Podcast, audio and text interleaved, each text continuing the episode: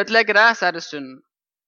I tillegg, hvis vi ødelegger relasjonen mellom meg og et medmenneske, så er det synd. Eller ødelegger for meg sjøl eller ødelegger for Gud, så er det synd. Så Det er liksom definisjonen på synd i Bibelen. Det som ødelegger det gode Gud har skapt. Både naturen, medmennesket, relasjonen til meg og relasjonen til medmennesket.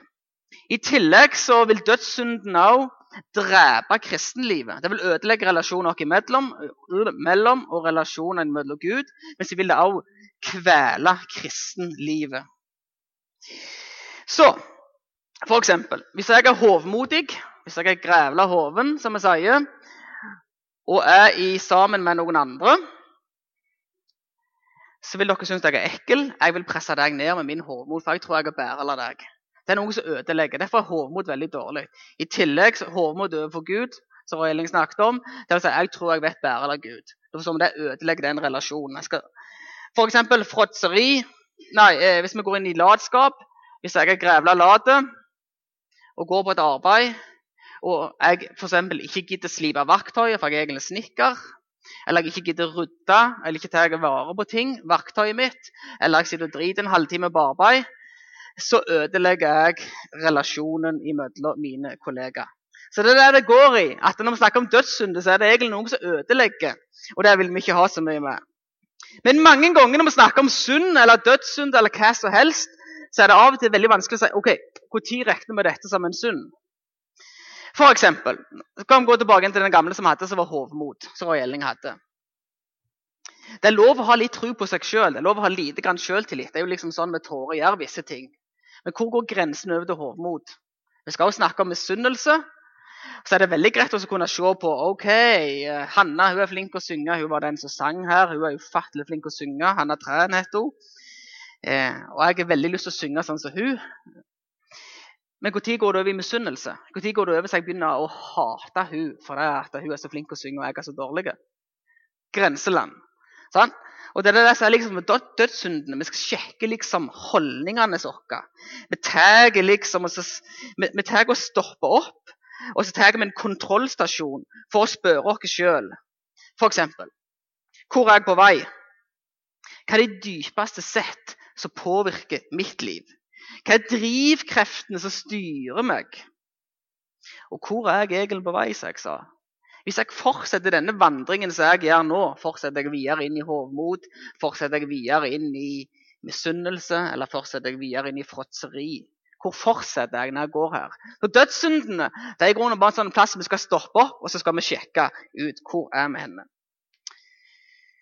Bibelen sier at synd er noe som vi skal vende oss vekk ifra. Så hvis jeg er i den retningen der og finner ut at dette her står ikke så godt til med meg, så skal jeg i grunn, uh, høyre vende om. Jeg kan ikke helt takten lenger. Gjorde det i militæret. Og skal jeg gå i en annen retning. Da skal jeg gå imot synden. Det sier Bibelen noe om. Så jeg forstår jo at Bibelen snakker om synd på den måten. Så hvis du ikke er kristen, skal jeg forklare deg veldig enkelt. Det som ødelegger, det vil, det vil, ikke Gud ha noe av. Det vil han at vi skal snu oss vekk ifra. Så hvis jeg har en livsførsel eller noen holdninger som ødelegger for mine medmennesker, eller ødelegger jorda, eller ødelegger min relasjon til Gud eller meg sjøl, så sier han min gode venn og dinge, snu deg om, prøv. Prøv på nytt. Skift litt retning, sier han på en god måte. Det er det det går i. Så Det er derfor vi snakker om dødssyndene, for det skal være med og korrigere oss litt. Og tenke litt. Og gjøre litt med handlingene våre. For hvis vi er enige, så er vi ganske egoistiske med mennesker. Det er som regel meg først, meg først, meg først, meg først, og så min neste. Meg først, meg først, meg først, meg først, og så dere andre. Jeg vil først ta, og så kan jeg gi. Det er det det går i. Vi er typisk egoistiske. Det er derfor vi liker fråtseri, det er derfor vi liker grådighet og you name alle. Jeg skal ta det en gang til. Hovmod, fråtseri, latskap, misunnelse, vrede, grådighet og utukt er dødssyndene. Så Bibelen vil vi skal bli modne kristne. Jeg skal da snakke om likegyldighet og latskap. Det er to sider av samme sak. Vi har et ordtak i touchpoint, og ordtaket lyder sånn. Hvis du trenger å få noe, få noe gjort, hvem spør du da? Ja, og en som har mye å gjøre fra før av. Hvis du skal få noe gjort, hvem spør du da? Ja, Du spør gjerne en som i grunnen gjør ganske mye fra før av. Han er vant med å gjøre ting. En av mine beste venner han bor på Jæren. Han er selvsagt bonde. Men så er han ikke bare bondende er bilmekaniker. Så hans dag er sånn han begynner å stå opp tidlig på morgenen, lenge før du er tenkt. Mest sannsynlig.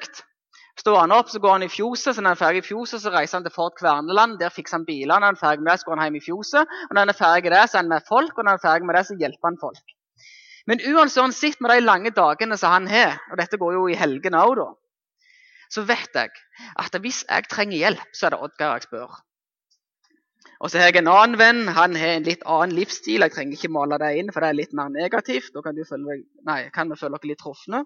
Hvis jeg spør andre med en annen livsstil av og til, så vet jeg at nei, jeg kan ikke, for jeg skal se den serien. Jeg skal gå ut og shoppe. Jeg skal på kafé.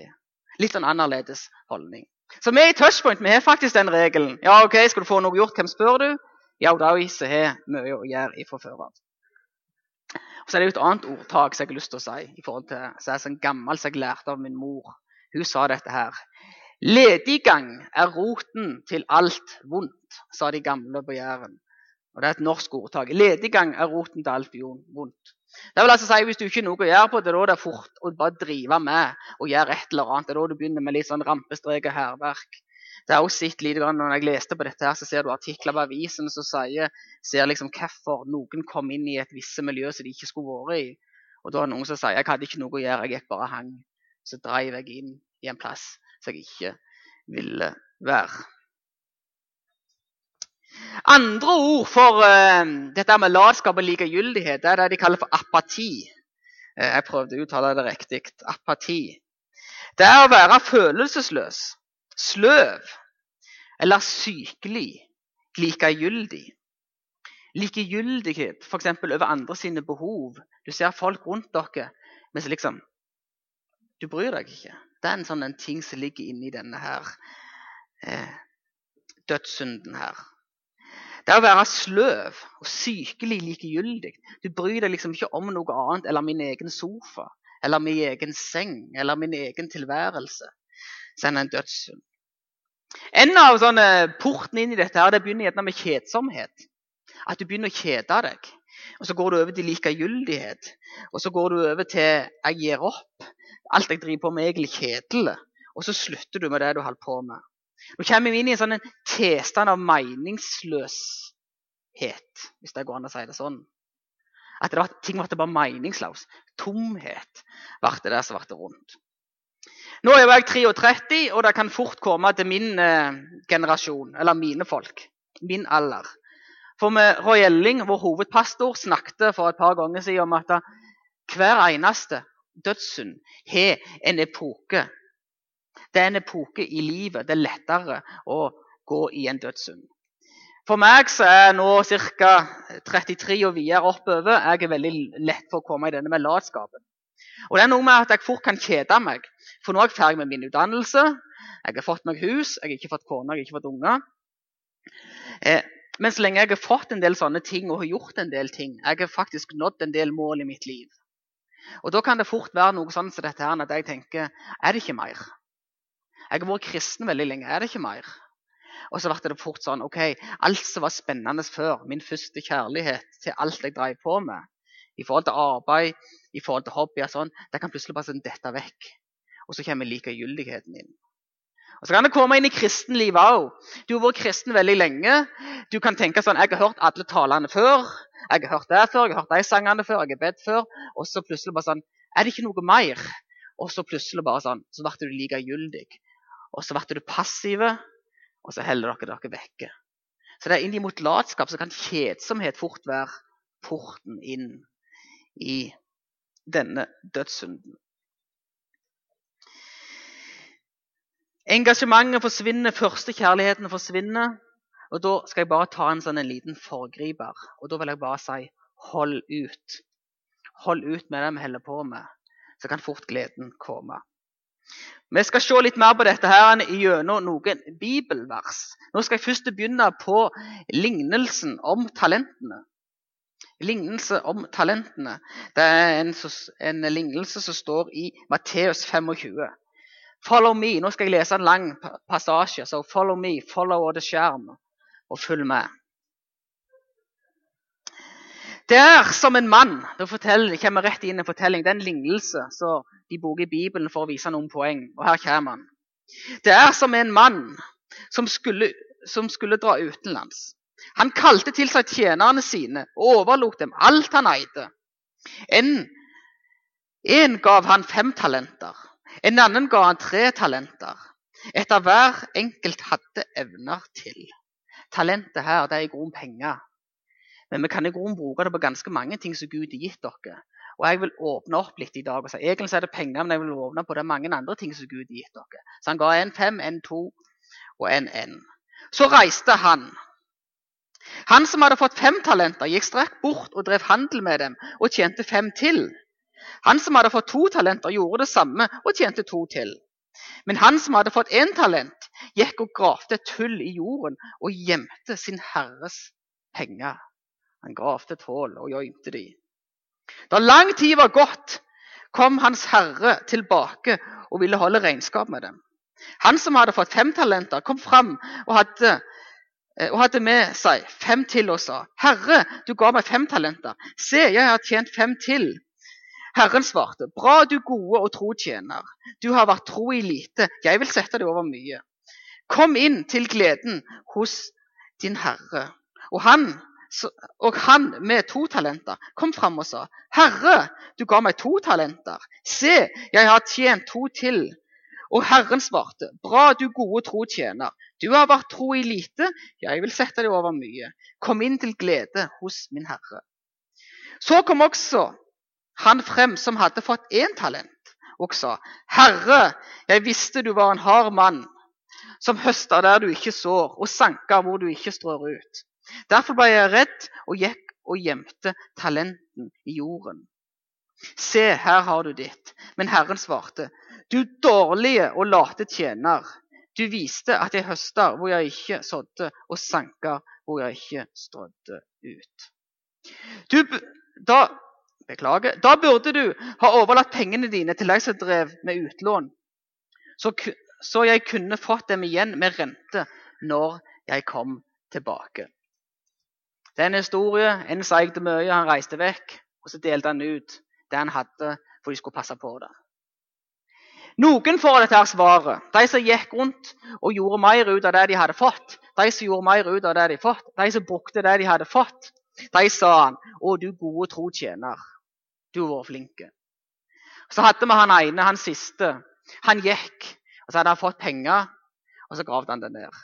Og Det er det samme hva vi har fått av Gud, om det er egenskaper, eller hva det er, om det er talent, om det er nådegaver. Hvis, hvis, vi går og graver det ned og ikke vil bruke det, så sier han du late tjener. Det er liksom det historien her går på. Så historien her går egentlig på Det handler om hva du gjør med det du har fått. Hva gjør du med det du har fått? Hva gjør du med de gavene du har fått? Hva gjør du ved det du har fått? Jeg er jo snekker. Og nå er jeg 32, 33 år, så har jeg fulgt en del opp. Eh, fulgt en del som skal bli snekker. Snikre. Så vi får jo skolegutter. vi får sånn noen, eh, Det er det løgneste av alt når vi får de som arbeidsuke. og Det er så gøy med fjortiser. Åh, det er mye god historie om det. Og så får vi lærlinger. Vi pleier som regel skille det i to kategorier. Da pleier vi å si noe sånn som dette. Okay? Vi ser veldig fort ok, vil du noe eller vil du ikke noe. Det er to kategorier. Vil du lære noe eller vil du ikke lære noe? Engasjerer du deg eller engasjerer du deg ikke? Og så ser vi med en gang Hvis de ikke er så veldig engasjerte og er litt sjenerte, så prøver vi alltid å få dem fram. Da prøver vi alltid å lokke litt i dem. Men hvis de ikke engasjerer seg, så gjør vi liksom som Bibelen. Den er ikke tro i det små. Han er ikke tro i engasjement, så da vil vi ikke gjøre nye ting. Da vil han ikke få nye utfordringer, for vi vet faktisk ikke om vi kan stole på han. For han er rett og slett lat. Han er ikke et engasjement. Han er likegyldig. Så da kan vi ikke gjøre så mye med han. Det er så vanskelig å jobbe med noen som er likegyldige. Det er så vanskelig å jobbe med noen som er late. Så jeg tenker, hvis jeg hadde vært Gud, at Noe av det verste av alt er våre likegyldige kristne. For hva i alle dager, hvordan skal du roen? Du har all makt, men du er gitt i fri vilje. Så hvordan i alle dager skal du pisse Nei, få gang på noen som ikke bryr seg? Hvordan i alle dager skal du få gang på ikke noen bryr seg? Har du prøvd det noen gang? Har du prøvd å piske en død hest? Har du prøvd å få gang på noen som egentlig ikke vil noe? Det er en sånn ting. Så da ser vi det i de greiene. Vi deler det inn i to om de, eh, om de er engasjement eller ikke. Om vi faktisk kan få noe ut av dem. Men det, det verste jeg ser, det er faktisk talentfulle unge som i grunnen har smarte i hodet. Mange ganger så vet jeg at de er mye bedre eller lurere enn meg. Men de bruker ikke det de har fått, så det ble ikke noe av dem. Og Sånn kan du se i forhold til idretten òg. De gidder ikke trene, det ble ingenting av dem. Vi ser det på arbeid, de gidder ikke. Vi ser på skolen, de arbeider ikke, det ble ikke noe med dem. Vi ser på musikere som faktisk er gode, veldig gode flinke. Øh, veldig flinke. Men så ser vi en med litt mindre talent. Han går ifra han bare for han gidder å øve mye mer. Så noen av de er likegyldige. De gidder ikke gjøre maks ut av det de har fått. Så en god kristen sammen det gjør maks ut av det Gud har gitt deg. Utvikle dine gaver, utvikle talenter og stå på.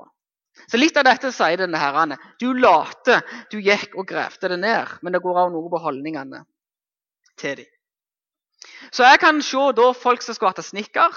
Da kan jeg se en som holdt på i fem år. Han har ikke hatt engasjement, han har ikke lyst til å ta noen utfordringer. Han har bare gravd ned sitt talent. Eh, så står han på stedet hvil, og så ser jeg kommer det en inn faktisk etter et halvt år. Sier jeg han mer utfordringer, så er han faktisk mye flinkere etter et halvt år, og iallfall etter et år eller han som har vært fem år. Det har noe med engasjementet. Brenner du for det du driver på med? Hva gjør du med det Gud har gitt deg? Likegyldighet. Sånn er det med kristenlivet òg. Jeg jobber med unge mennesker òg til vanlig i forhold til eh, å veilede dem inn mot kristne ting.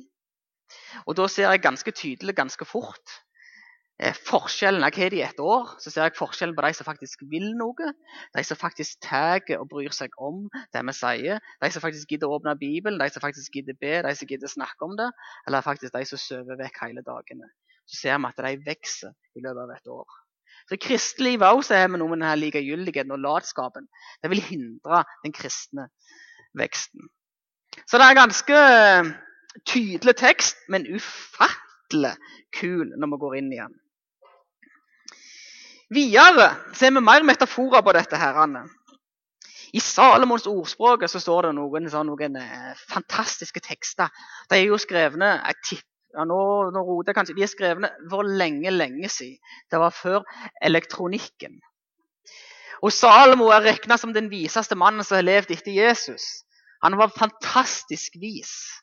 Og han, når han har skrevet denne poesien, så skriver han sånn som dette herrene.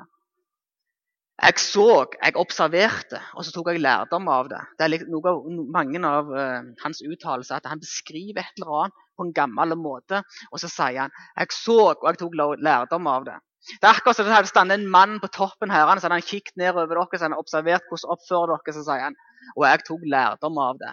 Dette er Salomon. Han er liksom det de kaller på fint Nå skal jeg brife litt med fremmedspråk her. sånn metakognitiv. Han er over og kikke og observere og evaluere det som skjer. Og så er han her nå Så sier han nå er jeg på Jæren, nå er jeg hjemme. Nå er jeg så ufattelig hjemme. Jeg gikk forbi en lat manns åker, sier han, langs vinmarken til et menneske uten forstand. Han gikk forbi en åker til et menneske uten forstand. Det er tydelig tale. Han var ikke så veldig smart, sier han da, egentlig. Se, det var fullt av nesler. Grunnen var overgrodd av tistler, og steingjerdet var revet ned. Jeg la merke til dette og la det meg på hjertet, og jeg tok lærdom av det jeg sov. Og så sier han litt søvn, litt hvile. Med hendene i fanget så kommer fattigdommen over deg som en farende fant, og nøden som en væpnede mann.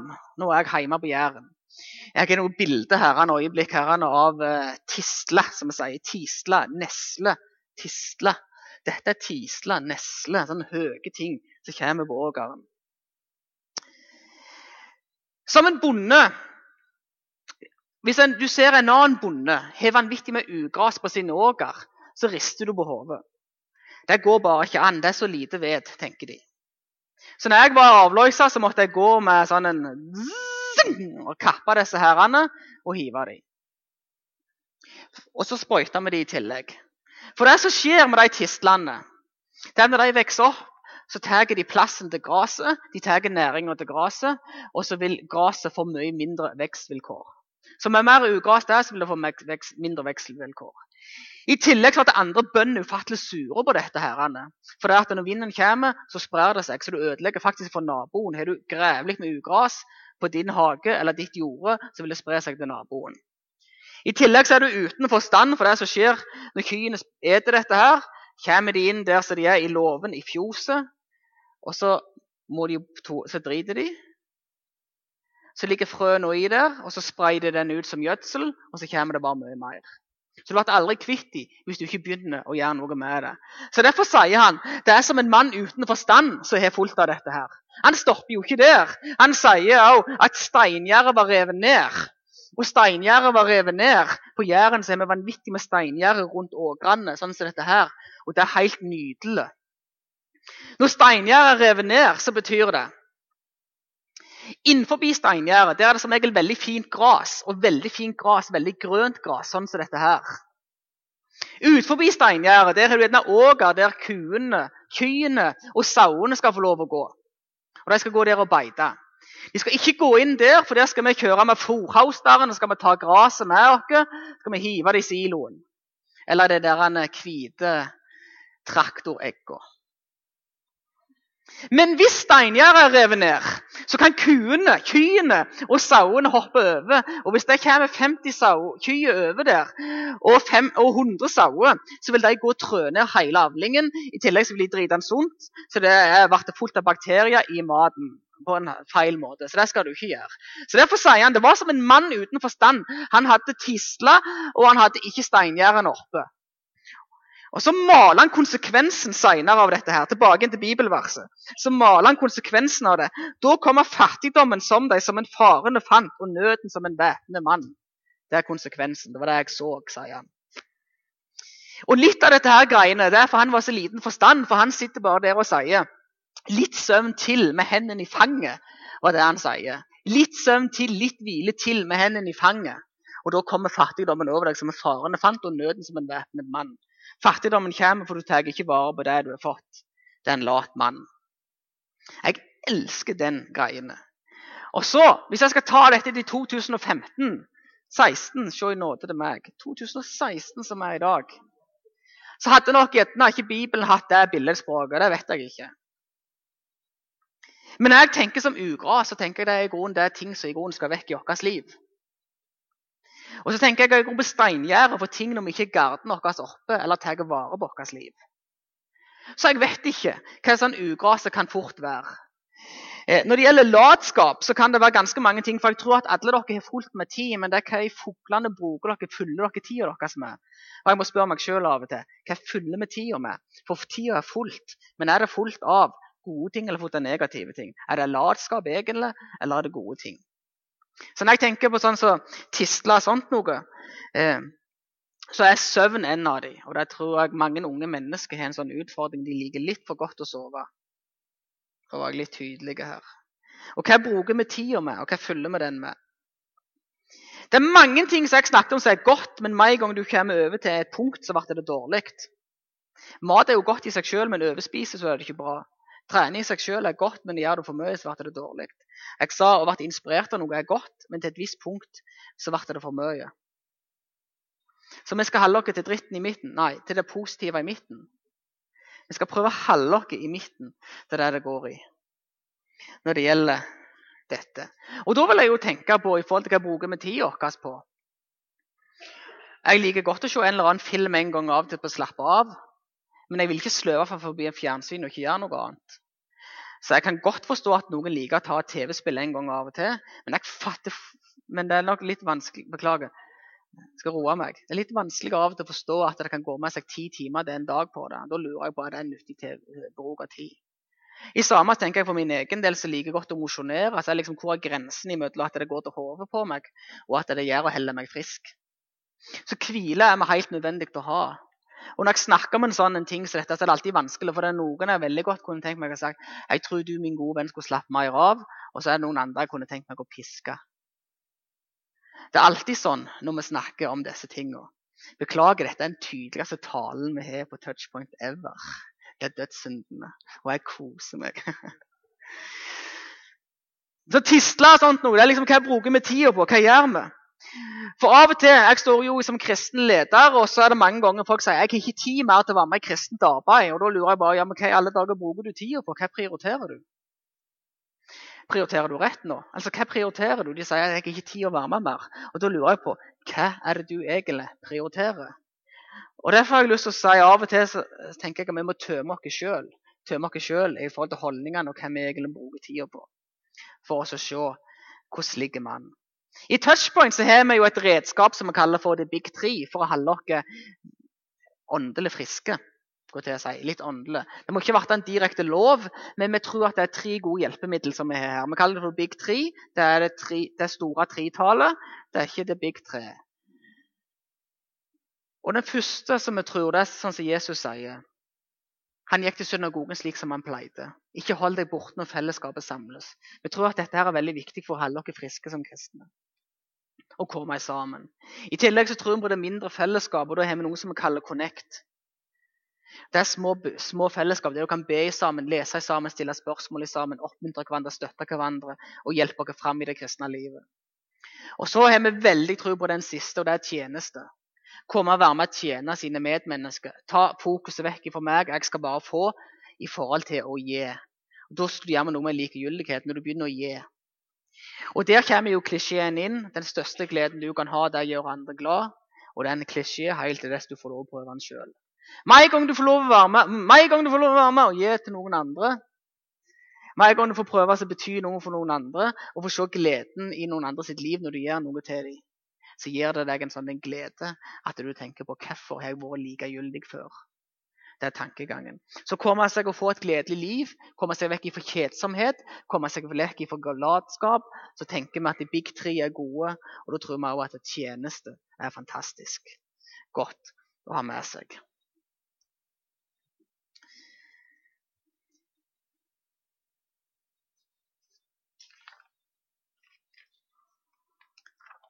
Og så er det som sagt en litt sånn farlig tale å tale i forhold til når folk Jeg vet at folk er slitne. Jeg vet at folk er slitne. Så jeg har lyst til å bare dille litt med den tanken. Nå er jeg veldig politisk ukorrekt. Jeg vet at av og til at folk er veldig slitne. Jeg vet vi er en kultur der fort kan folk slites ut. Og Det er derfor jeg sier så veldig tydelig at det tar seg sjekke gjennom hva du egentlig bruker tida på. Sjekk egentlig ut hva som gjør deg sliten. Hva som gjør deg sliten. Og da prioriter hva du egentlig vil. Tenk på hva det egentlig vil med mitt liv. Hva vil jeg engasjere meg i? For engasjement det skaper friske mennesker. Det skaper noe i forhold til kristenlivet, det skaper noe for mellom medmennesker. Så hvis du er sliten, så tenk litt gjennom hva du gjør. Og så pusher jeg noen nå, så sier jeg i militæret det tar de dere med. Hadde du reist i militæret, så hadde de tatt deg med, så hadde de pushet dere til det ytterste. Bare for du skal vite hvor mye du egentlig tåler. Så av og til så vet jeg at folk sier de er slitne. Nå er jeg vanvittig stygg her. Så tenker jeg nei, du er egentlig lat. Og Da tenker jeg sånn at Du har egentlig ikke testa deg, for nå kjenner du deg litt trøtt. Men hvis du hadde jobbet litt ekstra nå, så hadde du faktisk bare kommet inn i en god stim. Det er akkurat som du skal begynne å trene, så tenker du nei, jeg gidder ikke mer etter ti minutter. For at du har ennå innbytterpuls og ikke kommer deg varm. Men fortsetter du litt til, så vil det gå. Så her er det sånn balanse hele veien når jeg snakker om dette her. I forhold til sliten og i forhold til i forhold til jobb og i forhold til latskap. For det er jo sånn det er jo alltid Skal du få noe gjort, så spør du noen som har mye å gjøre fra før av.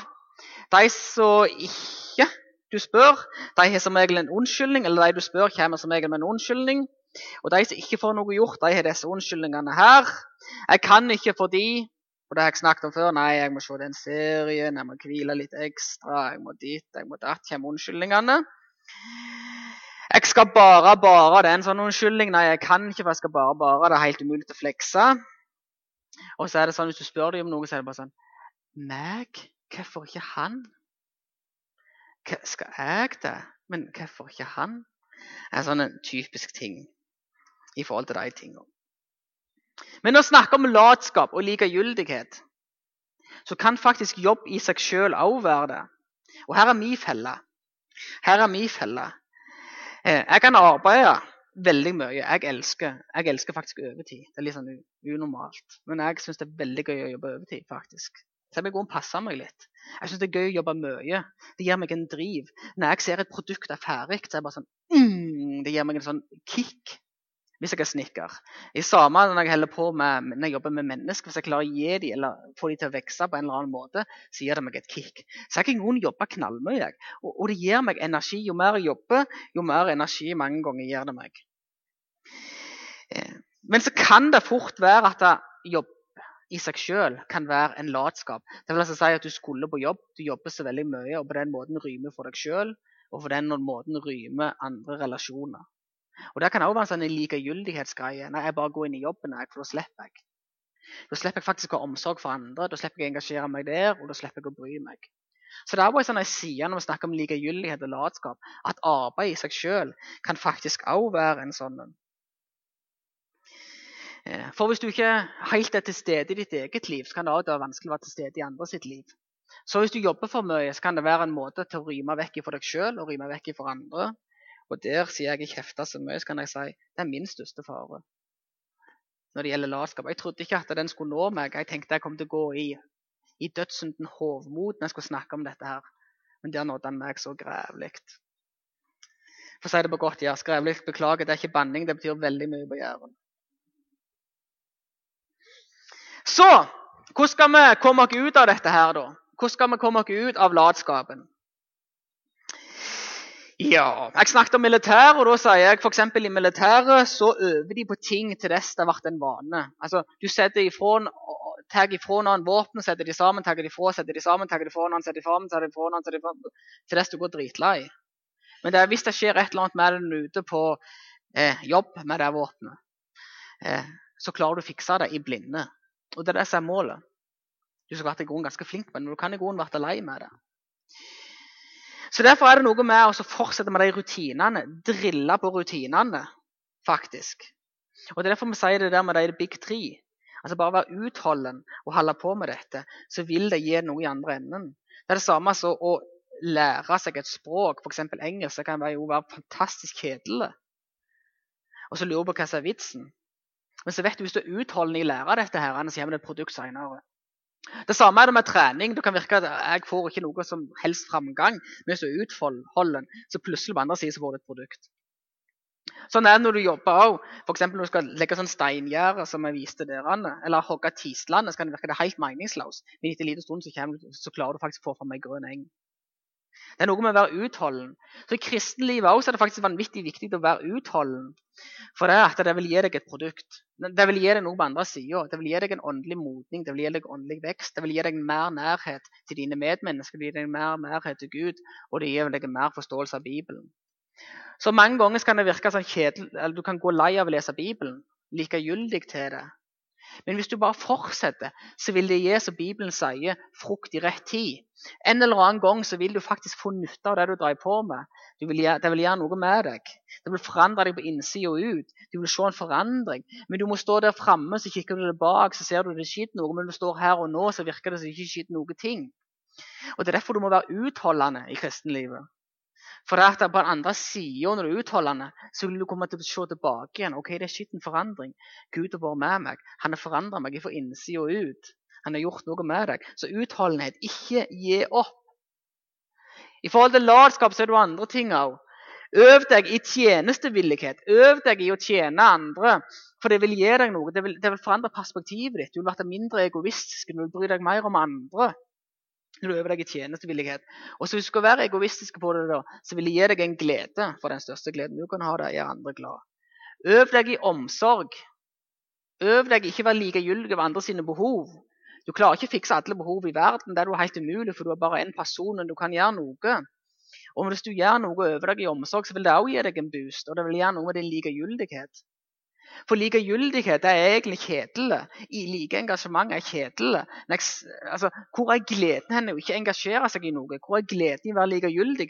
Med ikke ha noe å leve for, eller ha noe å drive for, eller ha noe å jobbe med. Åh, Jeg fatter ikke at det er mulig. Så det er derfor jeg sier øv deg i omsorg, øv deg i engasjement, øv deg i tjenestevillighet. Så vil jeg gjøre noe med latskapen. Dette har jeg lært av noen gamle munker for det var på 300-tallet de holdt på med dette. og Det var munker som holdt på med dette. Så her kommer rådene fra munkene. Så engasjer deg i andres behov. Det vil gjøre noe med deg. Så ingenting i livet er lett. Ingenting kommer lett til. Alt trenger jobbing. Og det er det denne dødssynden prøver å unngå. At du skal gi opp. Men han skal fortsette til å jobbe med de tingene som Gud har gitt deg. For at du skal få et produkt på andre sida. Andre ting som jeg vil si, det er å ta ansvar for ditt eget liv. Ta ansvar, Det handler faktisk om å ta ansvar for ditt eget kristent liv i likegyldighet. For å holde deg vekke fra likegyldighet og latskap. Som sagt, hvis vi fortsetter, så vil det være et produkt Nei, ikke et produkt, men det vil skje en forandring på andre sida.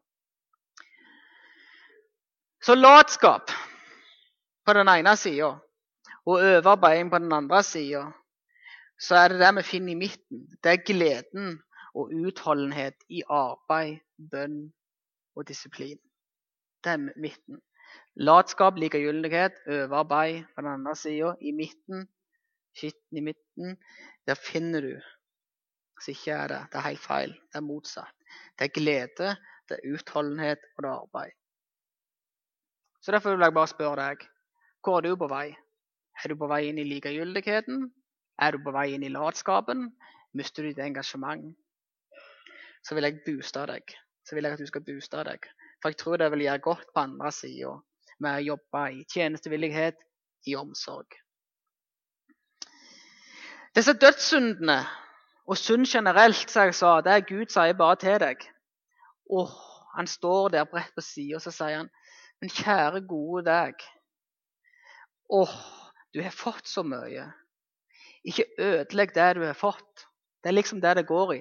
Det er derfor Gud snakker om synd. Derfor han sier ikke ødelegg det du har fått. Det er det det går i. Og latskap kan ødelegge. Og de andre dødssyndene og synd generelt det ødelegger det du har fått, og det ødelegger mellom deg og dine medmennesker. Men på den andre sida så står Gud der, og så sier han når det går gale Så står han der med sin nåde så sier han, min gode venn, en gang til. Prøv igjen.